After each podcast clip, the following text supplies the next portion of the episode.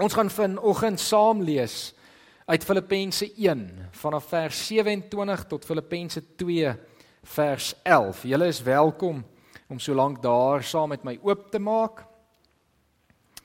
Voor ons saam lees, gaan ek wel vir ons 'n gebed doen. Here, dankie. Dankie dat ons opgewonde kan wees. Dankie dat ons vanoggend weer opnuut u vryspraak kon belewe. Here, dankie dat u bereid was om alles op te offer sodat ons kan leef. Here, dankie dat u lewe. Dankie dat u saam met ons lewe. Here, dankie dat u dit so bestem het dat die enigste lewe wat die moeite werd is, is 'n lewe saam met u.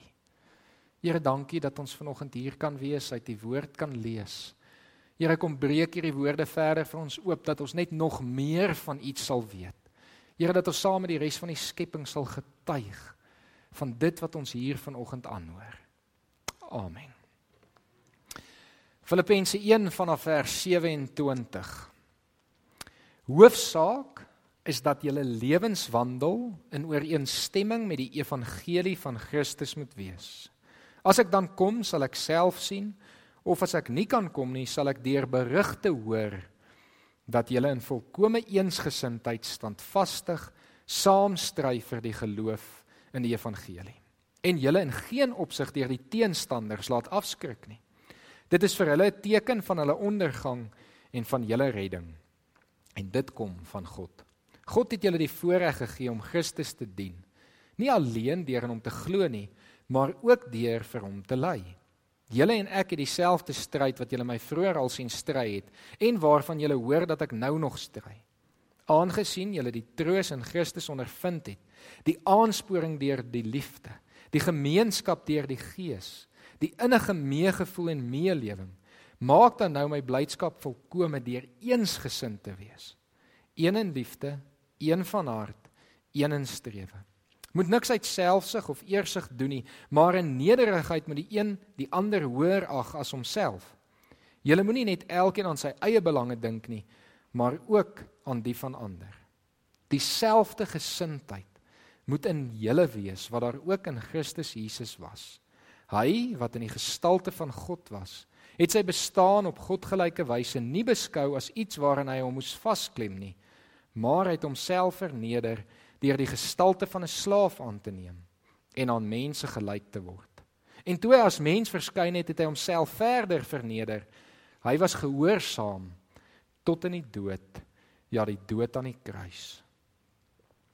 Daarom het God hom ook tot die hoogste eer verhef en hom die naam gegee wat bo elke naam is, sodat in die naam van Jesus elkeen wat in die hemel en op die aarde en onder die aarde is, die knie sou buig en elke tong sou erken Jesus Christus is Here tot eer van God die Vader.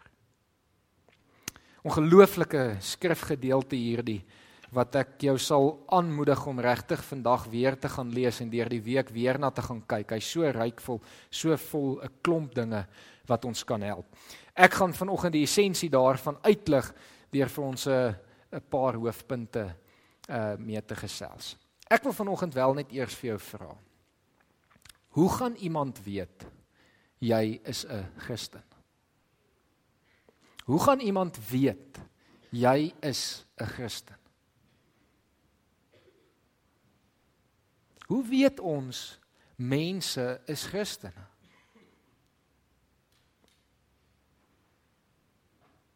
Die Bybel gee vir ons verskillende antwoorde op hierdie vraag. Wat op die ou en eintlik in essensie op dieselfde neerkom. Johannes 13 sê Jesus vir sy disippels as julle mekaar liefhet, sal mense weet dat julle Christen is. Johannes 15 saam met Galasiërs 5 sê vir ons as julle vrugte dra, sal die wêreld weet aan wie jy behoort. Hierdie gedeelte van vanoggend in vers 27 sê ons lewenswandel moet in ooreenstemming wees met die evangelie wat ons bely. Ons doen en late moet ooreenstem. Ek vermoed elkeen van julle kan vanoggend dink aan iemand wat al ingestap het in 'n vertrek en dan kan jy sien iets is anders. Jy kan beleef die atmosfeer verander wanneer daardie persoon se teenwoordigheid in die vertrek inkom. En dit gaan nie oor die persoon nie, maar dit gaan oor die Heilige Gees wat saam met daardie persoon inkom. Wat so deel is van daardie persoon se lewe dat hulle dit nie kan wegsteek nie. Hulle gesigsuitdrukking straal van vreugde, hoe hulle praat, getuig van die Gees wat binne in hulle woon. So vinnig net, kan ek hande net sien. Julle het dit al ervaar. O, jene, ons is in die moeilikheid. OK, nee, dan's vanoggend se boodskap regtig nodig. Uh As so min van julle dit ervaar het, dan moet ons onsself afvra hoekom. En wat jy vir jouself ook moet afvra is, beleef mense dit wanneer jy in 'n vertrek ingaan? Kan mense sien jy is 'n Christen? Of lyk ons op die ou en eintlik maar presies soos wat die wêreld rondom ons lyk? Ons moenie probeer inblend nie. As ek daai Engelse woord kan gebruik. Ons moet uitstaan. As Christ, Christene behoort ons 'n seerpunt vir die wêreld te wees. Soos 'n pysie op 'n voorkop. Jy kan hom nie wegsteek nie, jy moet hom sien. Ek sien julle gril so bietjie. Die wêreld moet gril. Die wêreld moet gril, maar tog ook in verwondering staan en wonder, hoe is dit moontlik dat iemand met soveel liefde en genade en opgewondenheid in hulle harte kan leef? Daar moet iets anders in hulle lewe wees. Ons is hierdie hele jaar sover besig met ons jaartema disippels in God se koninkryk.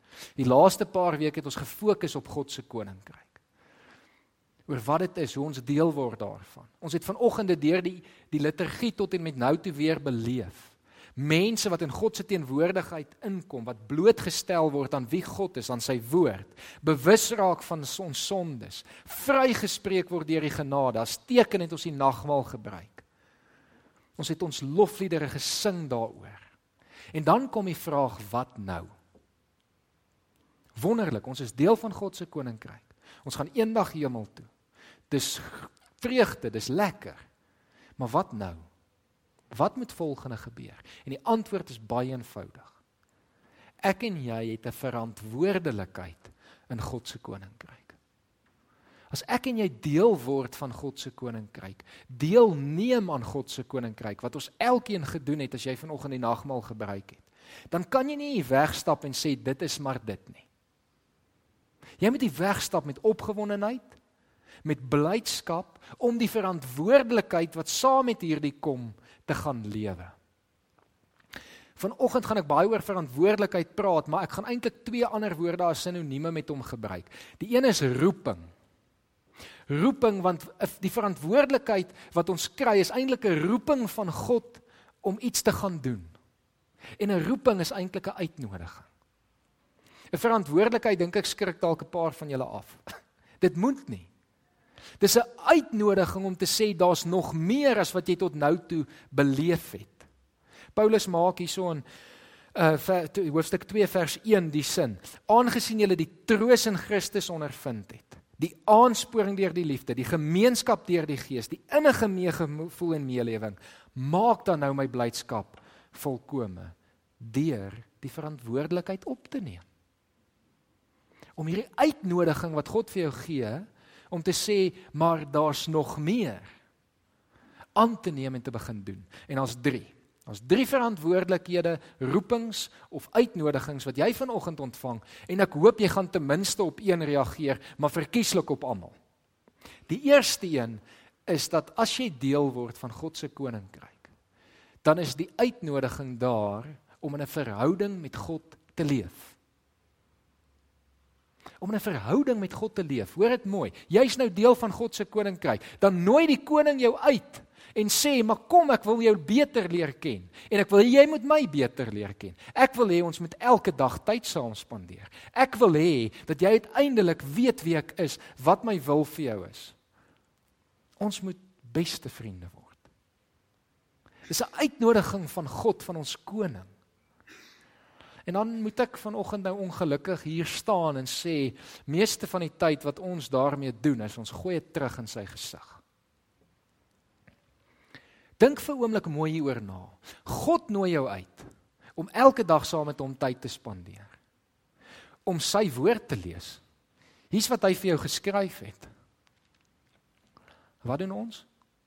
Weet jy ek's bietjie besig. Ag weet jy ek gaan nou 'n bietjie slaap. Nee, maar ek het 'n kuier. Hierdie vergadering is belangrik. My werk allerhande verskonings wat ons vir God sê, weet jy, eintlik het ons beter dinge om te doen as om jou te leer ken. Ons wil nie regtig in 'n verhouding met jou leef nie. Baie dankie. Ons wil deel wees van jou koninkryk, want jou koninkryk is vir ons goed. Jou koninkryk beteken ons gaan vir ewig lewe. Maar maar weet jy stel nie reg belang om jou te ken nie. Hoor hoe absurd. Dit klink amper godslasterlik as ek dit so stel. Maar dit is wat ons doen. Vra gou vir jouself af. Met hoeveel tyd sal die beste verhouding wat jy in jou lewe het, waarskynlik jou huwelik of met jou kinders of 'n goeie vriend. Hoeveel tyd is nodig om daardie verhouding in stand te hou? 5 minute 'n dag? 10 minute? 15 minute? En dan vra jouself of hoeveel tyd spandeer jy uiteindelik saam met God? My vermoede is dat as ek en jy die hoeveelheid tyd wat ons aan God spandeer, aan ons eggenote begin spandeer, dan skei hulle ons binne 'n jaar. Ons self gaan nie tevrede wees met die hoeveelheid tyd wat ons afstaan as ons huweliksmaats dit vir ons sou teruggee nie. Ons gaan waarskynlik 'n vriend afskryf en sê weet jy, hy's net nooit beskikbaar nie. Ek nooi hom om saam met my iets te kom doen, saam met my te kuier en hy's altyd net te besig. Maar daai selfde tyd wil ons vir God gee en verwag ons dit dan dan verwag ons dit moet genoeg wees. Mense, ons het nodig om veranderinge in ons lewens te maak. En hoor dit vanoggend mooi, dis 'n uitnodiging van die God wat alles gemaak het. Ek dink is nogal die moeite werd om hom te leer ken. Dis 'n God wat so lief is vir jou dat hy vir jou gesterf het. Ek dink is die moeite werd om dalk vir hom te vra Hoe kan dit wees dat hy vir jou so lief is? Ek dink is die moeite werd om saam met hom te begin tyd spandeer. Ek en jy het 'n verantwoordelikheid om nie net sy genade aan te neem nie, maar daaruit te begin leef. Eintlik behoort dit van selfsprekend te wees. Eintlik behoort die feit dat ek en jy vanoggend die nagmaal gebruik het, ons so opgewonde te maak dat ons nie anders kan as om huis toe te gaan en te sê ek wil nog lees nie. Ek kan onthou toe ek tot bekering gekom het. Ehm um, ek het gedink ek's mal. Want waar ek nooit die Bybel gelees het nie, het ek in die eerste week 3 tot 4 ure elke dag die Bybel gelees. Ek het gedink ek moet myself inboek in 'n instansie, hulle moet my ondersoek, daar's fout. Maar dit is wat gebeur wanneer die Here in jou lewe inkom. En ek weet soos met meeste verhoudings, ek lees ook nie meer vandag 3 tot 4 ure die Bybel nie.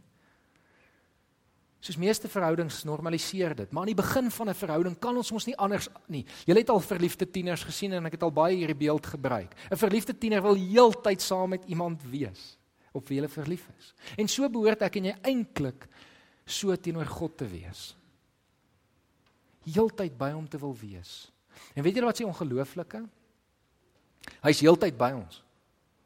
Hy is heeltyd by ons. Dis nie asof ek en jy moeite moet doen nie. Ons behoort eintlik net om te begin erken en met hom te begin praat. Ja, ons het ook nodig om dit in 'n meer formele styl te begin doen, om stilte tyd te hou, gereeld ons Bybel te lees, gereeld te bid.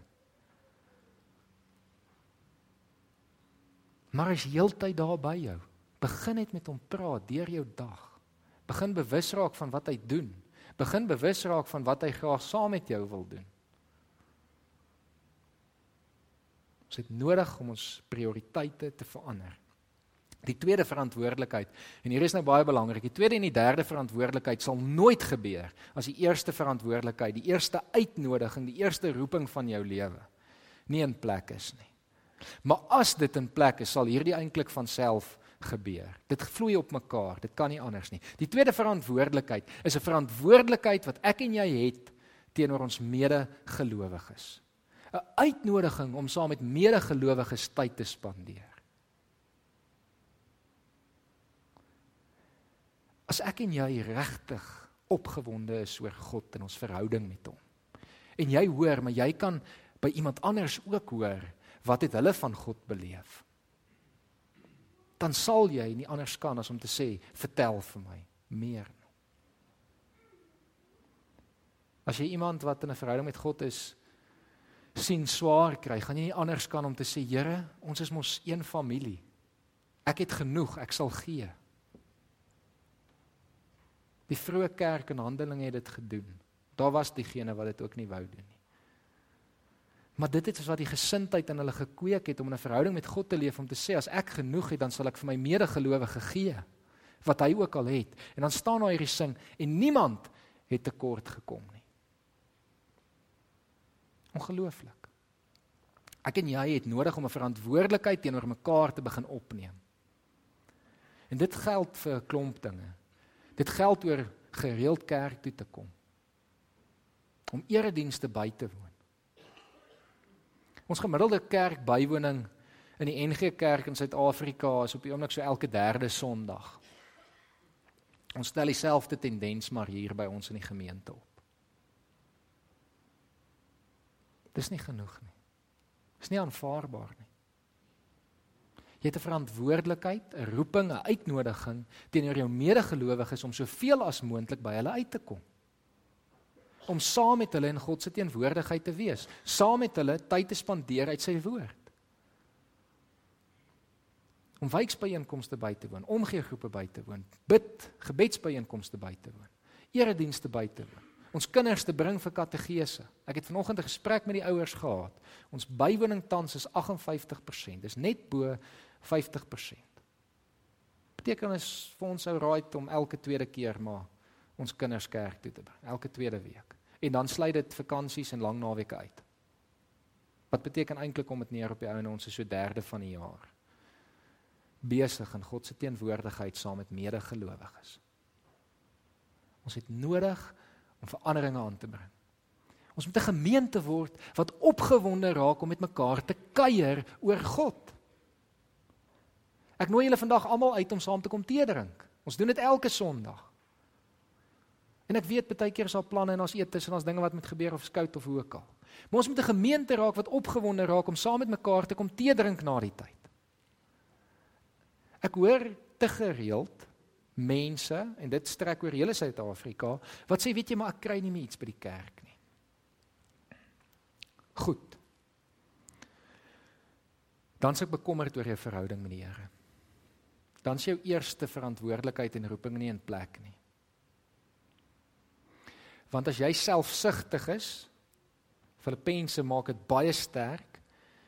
Vers 3 moet niks uit selfsug of eersug doen nie, maar in nederigheid moet die een die ander hoor as homself. Jy moenie net elkeen aan sy eie belange dink nie, maar ook aan die van ander. As jy net ingestel is op dit wat jy hier by die kerk kan kry, is hierdie in jou lewe nie reg nie.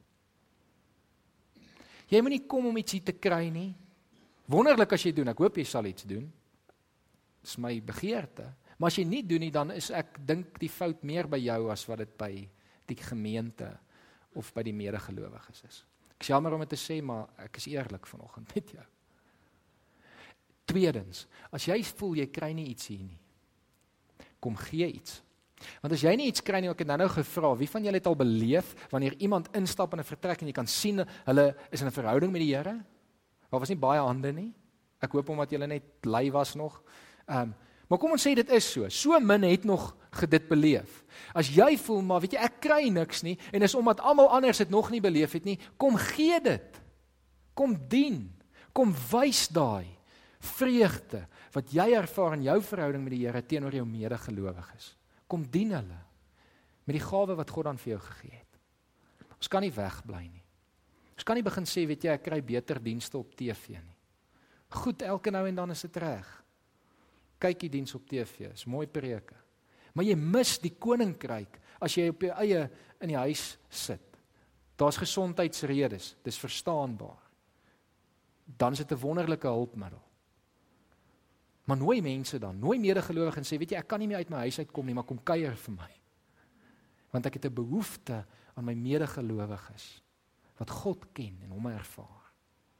Die derde verantwoordelikheid. En hierheen sal ons nooit by uitkom as die eerste twee nie in plek is nie. Want ek en jy kan dan nooit alleen hierdie gaan regkry nie. As ek en jy op ons eie hierdie probeer doen en okay, dit is nou maar so ons Afrikaners is nie altyd goed om saam te staan nie. Maar ons kan hierdie net regkry as ons saam staan. As ons hier is saam as gelowiges teenoor die wêreld. Die derde verantwoordelikheid, roeping en uitnodiging is om te sê kom ons gaan versprei die goeie nuus aan hierdie wêreld wat dit nodig het, aan almal wat nog nie in 'n verhouding met God is nie. As jy regtig in 'n verhouding met God leef, jy's opgewonde oor die verlossing wat jy vandag deur die nagmaal gekry het. Hoe kan jy hier wegstap en tevrede is met die wete dat iemand anders dit nog nie weet nie, nog nie ken nie? As jy iets nuuts ontdek, vat enigiets, elke nou en dan is daar 'n nuwe tegnologiese uitvinding. 'n Nuwe trekker. As jy opgewonde, het jy gesien daai stroper wat hy kan doen? Jy vertel dit vir mense. Het jy gesien wat daai drone kan doen? Het jy gesien wat hierdie nuwe foon kan doen? Ons as mense vertel dit waaroor ons opgewonde is vir mekaar omdat ons wil hê ander mense moet die goedheid die hulpmiddels wat beskikbaar is kan gebruik. Hoe kan ons dan dit nie doen met die grootste beste nuus wat nog ooit gebeur het nie? As jy God se liefde ervaar, dan behoort dit jou te dring om oor te gaan en te sê, weet jy, ek het iets ontdek. Kan ek jou vertel? kan ek jou net sê hoe goed is God se wonderlike genade en liefde in my lewe.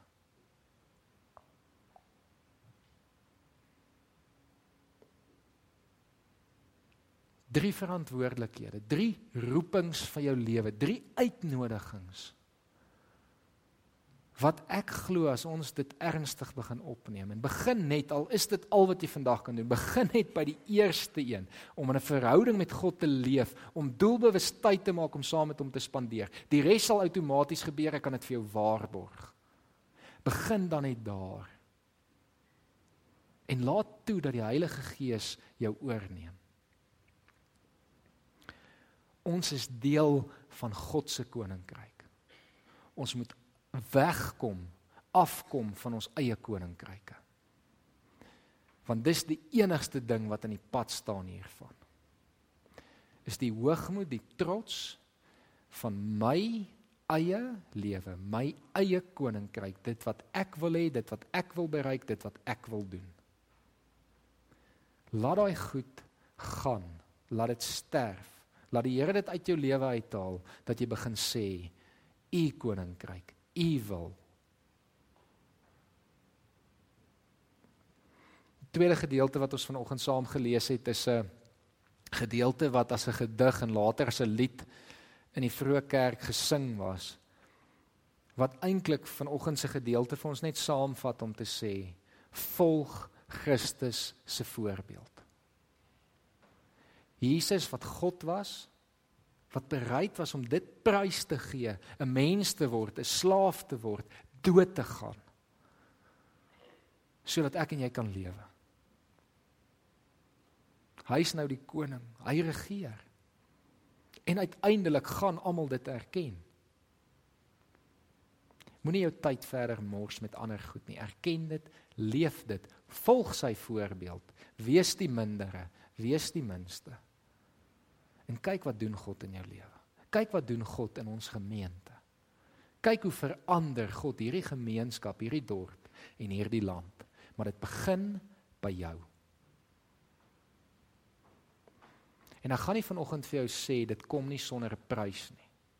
Filippense waarsku ons by meer as een keer in hierdie gedeelte dat dit 'n stryd is wat ons stry.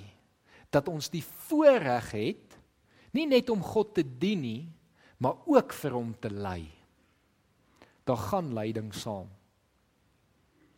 Maar julle dis die moeite werd. Dis 100% die moeite werd. Kom ons kom uit ons gemaksones. En ons laat toe dat God ons lewens oorneem. Kom ons bid saam. Here, dankie vir vanoggend se boodskap. Dankie dat U alles vir ons gedoen het, alles vir ons gegee het. Here, ons is jammer dat ons nie genoegsaam altyd daarop reageer nie.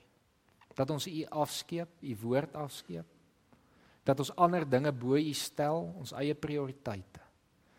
Here, dankie dat U ons al reeds daarvoor ook vergewe het omdat U vir ons so lief is.